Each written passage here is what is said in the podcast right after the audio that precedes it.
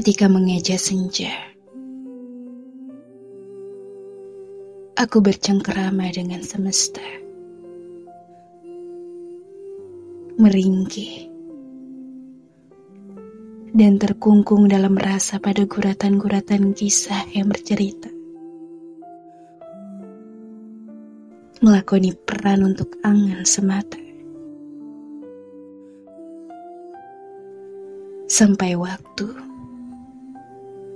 yang belum menemukan titik temu.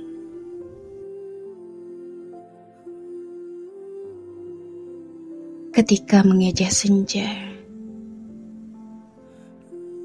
aku terpesona dalam penantian. Layaknya anak kecil yang bermain untuk menunggu berganti peran. Sampai semesta yang merestui sebuah pertemuan.